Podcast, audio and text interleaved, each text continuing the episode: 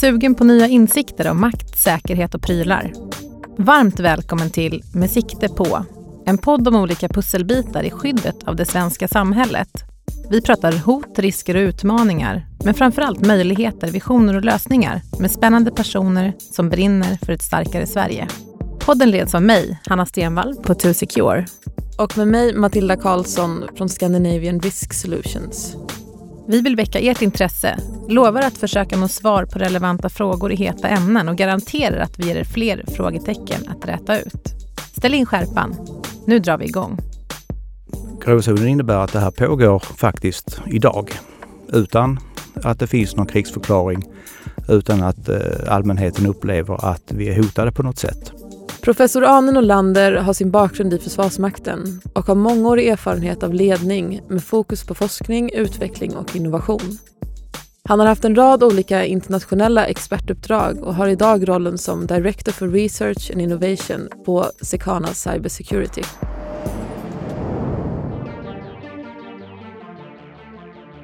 Välkommen Arne!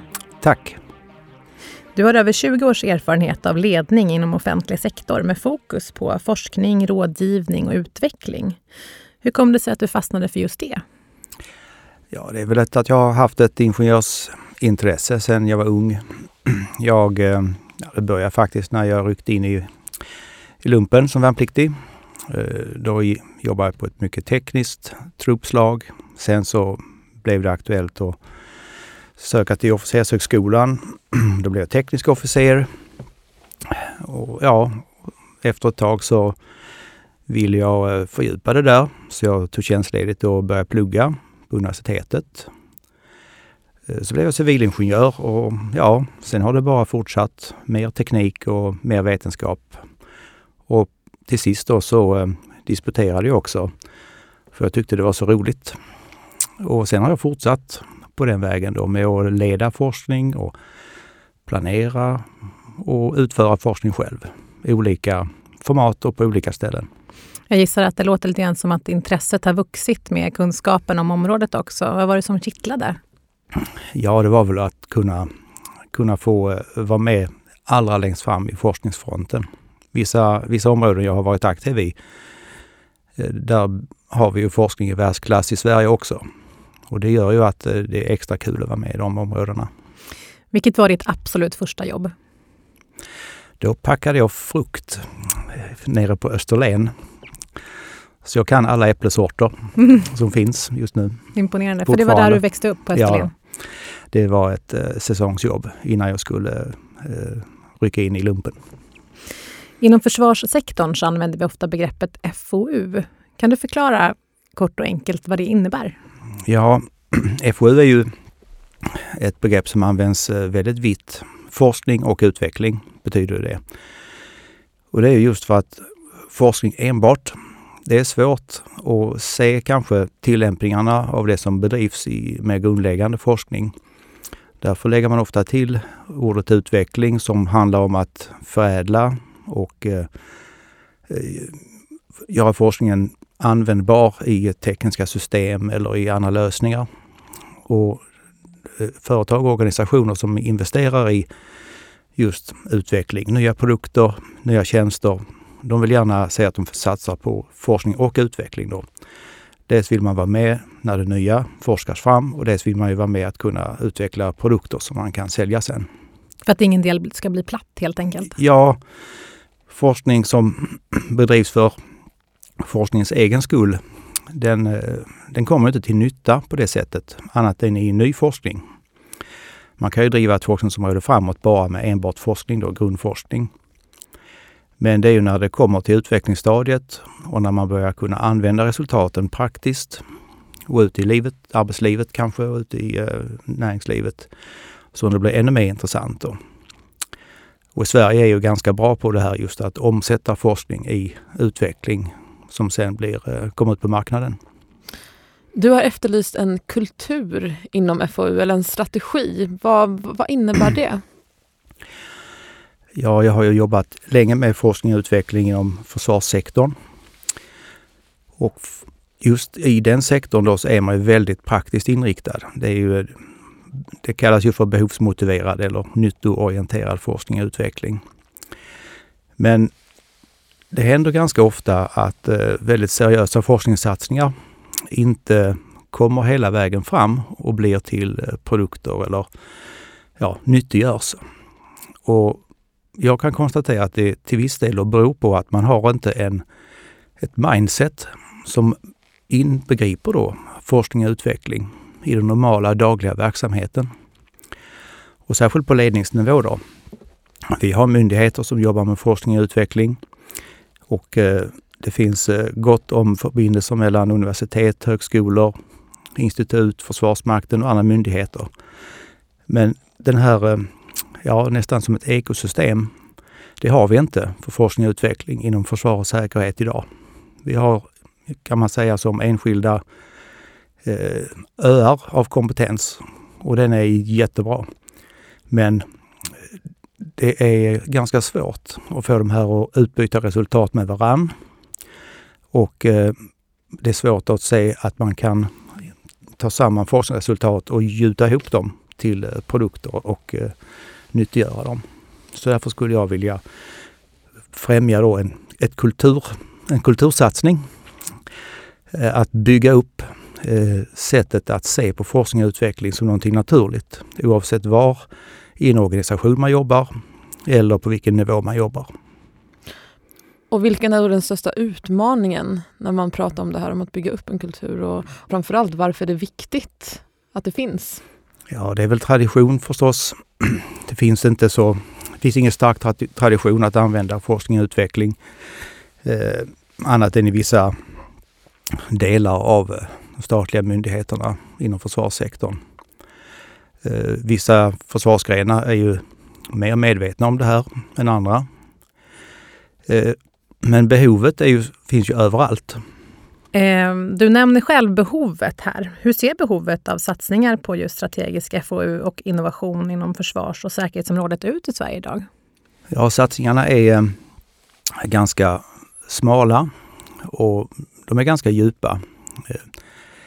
Vi skulle däremot behöva utöka bredden utan att eh, göra avkall på djupet. Vi behöver satsa eh, forskningspengar på fler områden. Under de senaste 20 åren har vi reducerat antalet områden som vi bedriver forskning i inom forskning och säker eller försvar och säkerhet. Nu är det bara ett fåtal. Vi behöver som sagt fler områden som vi forskar i, eh, försvar, försvar och säkerhet. Men vi måste också vara beredda att investera och vilja ta risker att gå på djupet. Eh, ofta blir det så att om man ska bredda sin FoU så har man inte resurserna att gå hela vägen. Och då blir det att man eh, skummar på ytan. Man nöjer sig med omvärldsbevakning och sen så bygger man inte upp den där grundläggande djupa förståelsen för ett nytt forskningsområde som gör att man kan behärska det tillräckligt. Är det en resursfråga då att man har valt att eh, fokusera på färre områden idag jämfört med tidigare? Ja, är, till största delen är det det. Eh, insikt om behovet finns nog, men eh, ja, prioriteringarna har varit annorlunda de senaste 15 åren. Kanske en korkad fråga i sammanhanget, men tycker du att man lägger tillräckligt med pengar på det här idag? Jag tror att man skulle kunna använda pengarna effektivare och annorlunda. Hur då? Mm, vi skulle kunna jobba mer tillsammans med andra, med andra nationer eh, och med andra sektorer i, inom landet. Eh, det pågår mycket forskning och det läggs ner enorma summor på eh, civil forskning och utveckling som egentligen inte nyttiggörs i försvaret eller inom totalförsvaret eller säkerhetssektorerna alls. Skulle man kunna använda dem då på ett bättre sätt också, de som faktiskt görs? Jag tänker även civilt. Ja då. Eh, försvarsforskning och civilforskning de smälter ihop. Och det är bara i vissa områden som det fortfarande är en väldigt, eh, väldigt militär prägel på den forskning som bedrivs. Allt mer forskning är användbar på båda sidor så att säga. Vad händer om vi inte eh, satsar på FoU? Då? Vad innebär det för Sveriges förmåga exempelvis? Ja, risken är att vi stagnerar. Att vi eh, Eh, tappar kompetens. Vi blir en mindre intressant samarbetspartner för andra nationer. och att vi själva, eh, vår egen militära förmåga sjunker eller i alla fall eh, inte utvecklas i samma takt eh, som eh, omvärldens. Vilken placering har vi idag då, eller vilken roll har vi? Ja, det är svårt att säga. Inom vissa, inom vissa områden så ligger vi väldigt långt framme. Inte i världstopp någonstans skulle jag vilja säga, men bra nära inom ett eller två områden. Vilka är det? Ja, flygområdet förstås, undervattensområdet. Och jag skulle gärna säga att vi eh, skulle kunna investera lite till i något annat område också som är viktigt. Men eh, informations och ledningssystem till exempel. Vi pratar väldigt mycket om gråzonsproblematik idag. Skulle du kunna förklara kort och enkelt vad det egentligen innebär? Gråzonen innebär ju att vi, vi har ett eh, skärpt säkerhetsläge eh, i vår omvärld som påverkar Sverige och Sveriges, eh, ja, ja, alla samhällssektorer egentligen då. Eh, vi är utsatta för informationspåverkan, påverkansoperationer, försöker eh, forma allmänhetens uppfattning om hur eh, Sverige styrs. Förtroendet hos allmänheten för eh, institutioner och myndigheter sjunker. Vi blir mer sårbara för till exempel ekonomiska eh, påtryckningar. Och gråzonen innebär att det här pågår faktiskt idag utan att det finns någon krigsförklaring, utan att eh, allmänheten upplever att vi är hotade på något sätt. Eh, sen kan ju de här åtgärderna bli mer intensiva och man närmar sig allt mer gränsen för det som skulle kunna vara ett angrepp. Men det är just det som en motståndare eller ja, en angripare vill. Det är att kunna hålla sig på rätt sida om, om lagen och internationell rätt, men ändå påverka en nation och göra som man vill. Helt enkelt gråzonen mellan fred och krig, om man ska vara lite... Ja, eh, gränsen där den ligger i den gråzonen. Förr kallade man det här för ett skymningsläge och det var egentligen förstadierna till kriget. Och nu är den gränsen väldigt suddig. Och det kanske inte är förrän efteråt som man inser att vi är utsatta för ett angrepp. På vilket sätt är innovation viktigt när vi pratar om gråzon och också hybridkrig? Det är också ett, en term som, eh, som ofta återkommer när man pratar gråzon. Ja, innovation och, ja, och anpassningsförmåga. Det är ju det är viktiga egenskaper och viktiga förmågor för att kunna behärska osäkerhet. Eh, forskning, utveckling, innovation är de absolut bästa Eh, sätten att eh, just hantera osäkra situationer. Man kan bygga upp en beredskap i form av kunskap. Inte bara i form av eh, ammunition och livsmedel, va?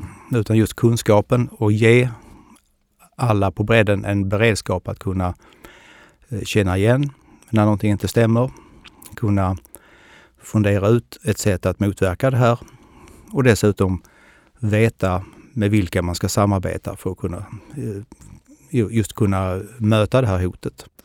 Hur har behoven förändrats de senaste 15 åren på det här området?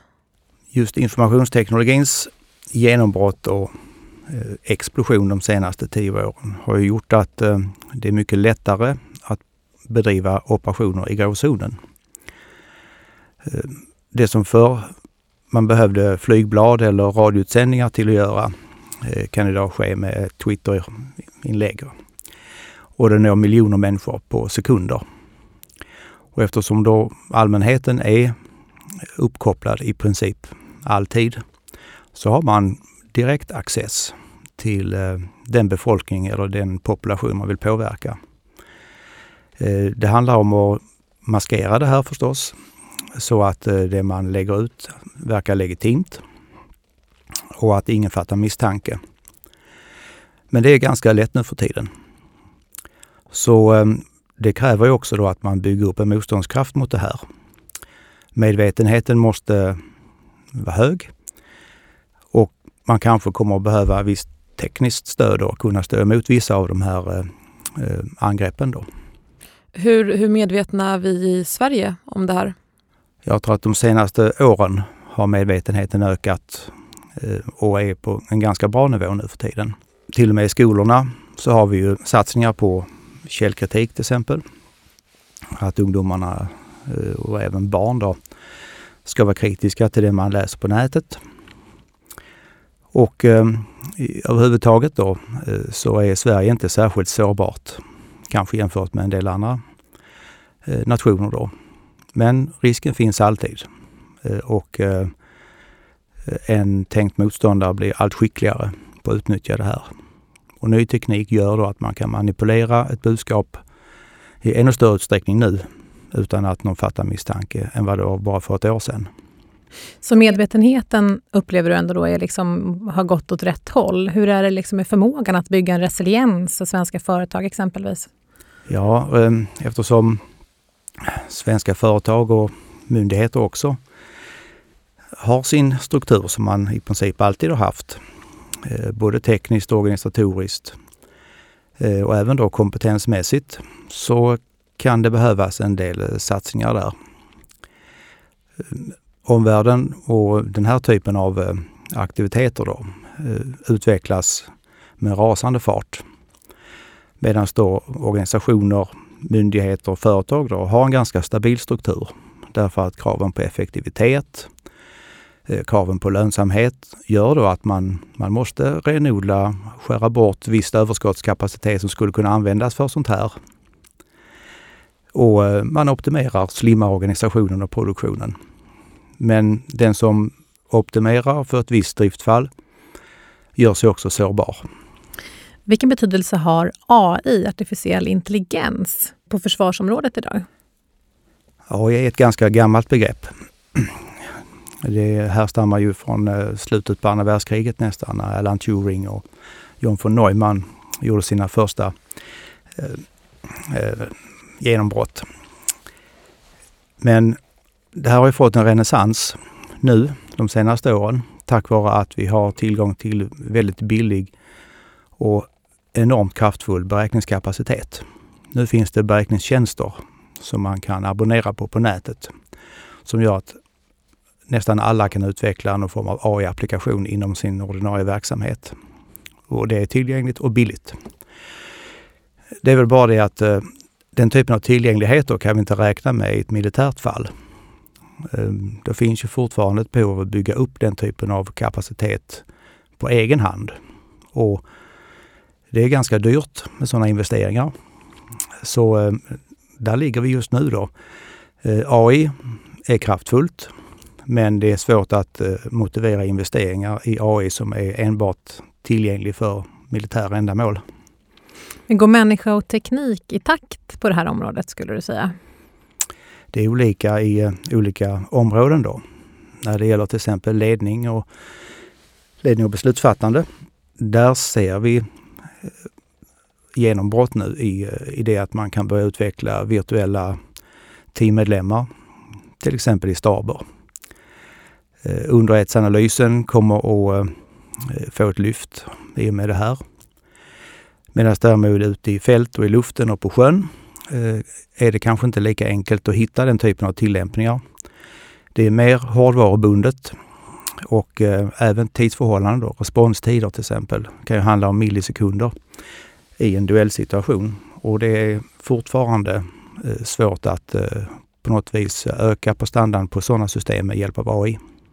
Finns det risker med AI kopplat till exempelvis till kritisk infrastruktur? Ja, det är ju att man bygger in en, man bygger in en känslighet och eh, gör sig sårbar, kanske utan att veta om det. Eh, AI har inte kommit så långt ännu att man kan eh, i princip räkna med och förstå hur den tänker. Det är ju fortfarande en svart låda. Vi skickar in data och vi får ut ett resultat. Eh, det går ännu inte att eh, från sådana system eh, sluta sig till hur systemet kom fram till det här beslutet. Och det är ett problem ifall man pratar om säkerhetskritiska situationer. Det finns projekt i USA till exempel som just adresserar det här problemet, kallas för Explainable AI. Vilket betyder att man inte bara ska få ett bra resultat utifrån det här systemet. Det ska dessutom berätta hur det kom fram till det här. Så eh, det är ett känt problem och eh, vi kommer behöva utveckla den typen av AI i fortsättningen som faktiskt kan göra det begripligt för människan hur den funkar. Man får inte en övertro helt enkelt? Mm, nej, det är lätt att bli entusiastisk. Men eh, AI är fortfarande teknik. Och eh, det är människor som designar tekniken och mm. människan är inte felfri. Så är det. Finns det några andra länder eh, som Sverige tittar lite extra på som förebild just när det handlar om AI eller som vi kanske borde titta mer på? Ja, det görs ganska mycket eh, inom Europa faktiskt. Även på överstatlig nivå. EU eh, satsar stora resurser på AI-forskning.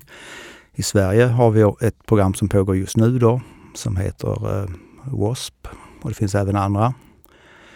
Eh, forskningsstiftelser satsar pengar. Ehm, vetenskapliga stiftelser i övrigt då, typ Vetenskapsakademin och Vetenskapsrådet vill också göra det här. Sen har vi förstås enskilda länder som är duktiga på detta. USA naturligtvis, men även Storbritannien, Nederländerna eh, och eh, i viss mån också andra delar av Europa, typ Tyskland. Då är det dags att köra någonting som vi kallar för tio snabba. Vi ger dig tio ja eller nej-frågor. Du svarar på ryggmärgsreflexen. Och om du vill utveckla någonting så gör du det efteråt. Är det klart? Ja. Då kör vi igång. Leder innovation alltid till utveckling? Nej. Har näringslivet en lika viktig roll som myndigheterna i uppbyggnaden av totalförsvaret? Ja. Kommer AI att ersätta människan?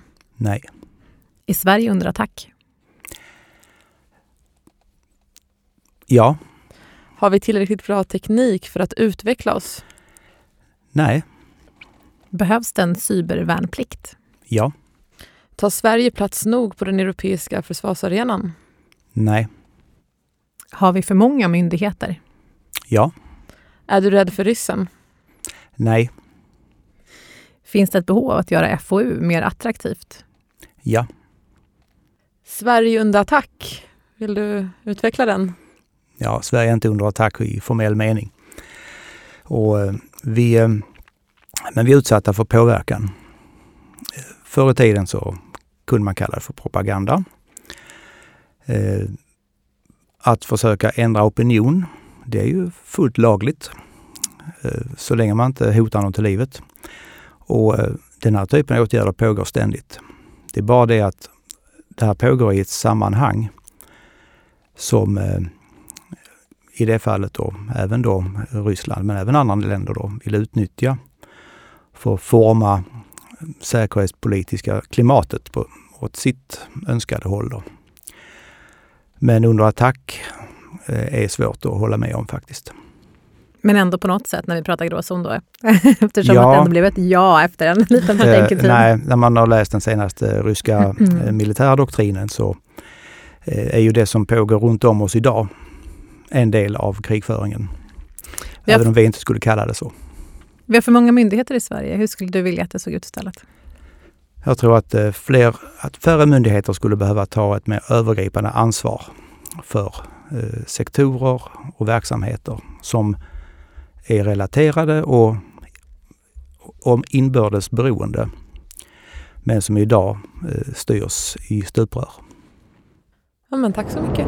Mm, tack. Du har haft en rad olika expertuppdrag vid bland annat European Defence Agency, EDA, EU-kommissionen och Natos forsknings och teknikutvecklingsorganisation. Hur viktigt är det europeiska perspektivet för Sveriges försvarsförmåga? Jag tror att det är nästan helt avgörande. Eh, Sverige behöver jobba tillsammans med andra. Eh, dessutom är Sverige duktiga på vissa områden och vi kan byta resultat med andra nationer i ett sånt här sammanhang. Eh, vi befinner oss i en, ett samarbete som eh, tillåter att dela information under sekretess. Vilket gör också att båda parter kan eh, vinna på sådana samarbeten. Jag skulle gärna se att vi gjorde det här i ännu större utsträckning. Så med det sagt så är det ett väldigt viktigt samarbete för att, för att nå utveckling på det här området, eller? Ja, eh, jag tror inte nästan det finns något europeiskt land som har en komplett eh, totalförsvarsförmåga idag. Man är beroende av att jobba tillsammans med andra. Och det blir allt mer accentuerat ju längre tiden går. Så att, att utveckla samarbeten med andra nationer inom FoU, men även då operativt när det gäller att ta fram tekniska system till exempel. Eh, det är nödvändigt och ifall vi ska hålla jämna steg och kanske till och med kunna köra om en del aktörer som vill påverka oss. Är det då ett gränslöst samarbete vi behöver inom EU specifikt? Ja, gränslöst på, på den nivån att man ska ju kunna utbyta resultat, även utbyta personal, gästforskare, samarbetsprojekt, även industrin. Det är ju ganska utbyggt idag. Eh, däremot så får man ju vara eh, noga naturligtvis med att hålla sekretessen. Det finns alltid risk för informationsläckage. Eh, men regelverket är utbyggt och moget tycker jag. Så jag tror inte det finns några egentliga hinder för att samarbeta i ännu större utsträckning än vad man gör idag. Formerna finns där och strukturerna också. Finns det en vilja då? Ja, jag tror att viljan finns men viljorna, ja, det finns många viljor. Och eh, partnerskap är ju alltid kompromisser. Och det finns ju exempel på att vi i Europa har kanske inte varit så bra på att samarbeta eh, i vissa fall då. Medan det i andra områden har gått väldigt bra. Ett område som har lyckats väldigt är inom eh, medicin, försvarsmedicin, traumatologi till exempel. Även i eh, CBR-området finns det väldigt väl utbyggda samarbeten. Däremot när det gäller kanske stridsfordonssamarbeten, vi har ju vad är det, 17 eller 20 stridsfordonstyper i Europa eh, och som inte är kompatibla. Där skulle vi behöva en annan typ av utveckling känner jag. Men det blir så när man har försvarsindustrier i respektive nation som har intressen. Områden som inte är så tekniska eller som inte har industriella intressen som är så påtagliga, där är det lättare att få till den här samsynen. Kompetensbrist är en lika tydlig som tuff verklighet som vi har att hantera idag, inte minst på teknikutvecklingssidan. Märker du av det? Ja, det är svårt att eh, locka ungdomar till att eh, inte att studera områden som är relevanta för eh, totalförsvaret och för säkerhetskritisk verksamhet, utan att få dem att börja jobba hos myndigheter, i synnerhet då, med de här frågorna. Eh, nu finns det en hel del andra arbetsgivare som lockar och som ligger längre fram. Eh, och ungdomar vill syssla med tekniken som ligger allra längst fram naturligtvis. Eh, vi skulle kunna göra betydligt mer i Sverige för att göra yrken i försvars och säkerhetssektorn då mer lockande än vad vi gör idag. Vad skulle vi kunna göra då till exempel? Jag tror att eh, partnerskap mellan eh, forskningsinstitut och eh, universitet och industri skulle kunna göra det mer lockande för ungdomar att söka sig till just den här typen av eh, ja, nästan plattformar då för säkerhetsviktig forskning. Eh, göra ett examensjobb som har eh, betydelse för totalförsvaret som sen kan leda till ett jobb inom ett motsvarande område, antingen industrin eller på ett institut. Man skulle kunna använda internationella kontakter på ett annat sätt eh, och helt enkelt göra det eh, mer varierat och mer roligt helt enkelt att eh, jobba med sådana här frågor. Teknik och forskning ligger väldigt långt fram och det saknas inte eh, studenter som gärna skulle vilja jobba med det här. Däremot så är det svårt att se att man kan eh, syssla med det här under en längre tid framöver. Eh, och dessutom så tycker man att myndigheter och försvarsindustri är ganska gammaldags i sin struktur och sitt mindset. Så föryngring och förnyelse skulle behövas på många vis. Gör du själv någonting för att påverka den utvecklingen? Ja, jag försöker ju nå ut eh, med olika eh, kanaler då. Jag har eh, handlett eh, studenter själv.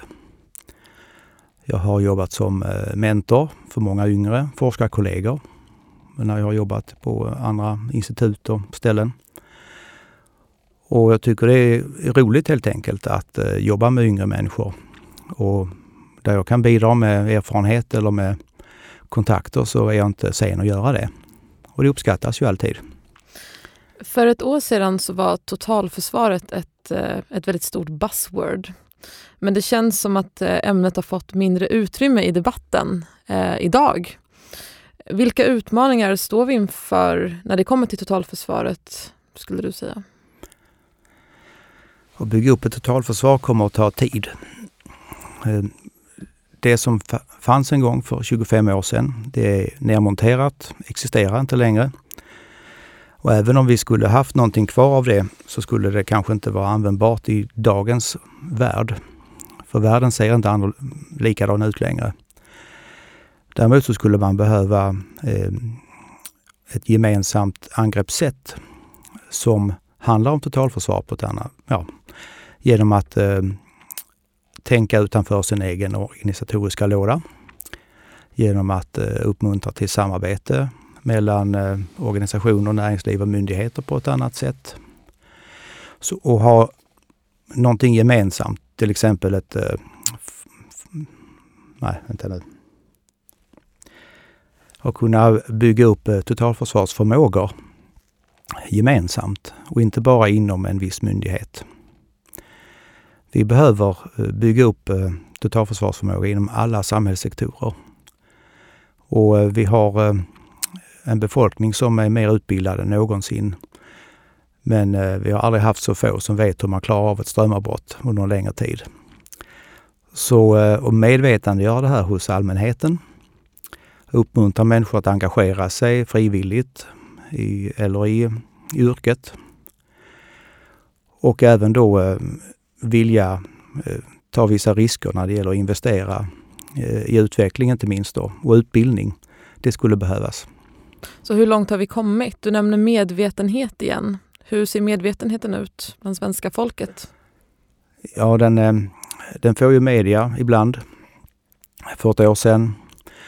Sen kommer det ett IT-angrepp och så kommer det en terrorattack någonstans i världen. Men det här är ju enskilda händelser Eh, som eh, får stort genomslag men som man glömmer ganska snabbt igen.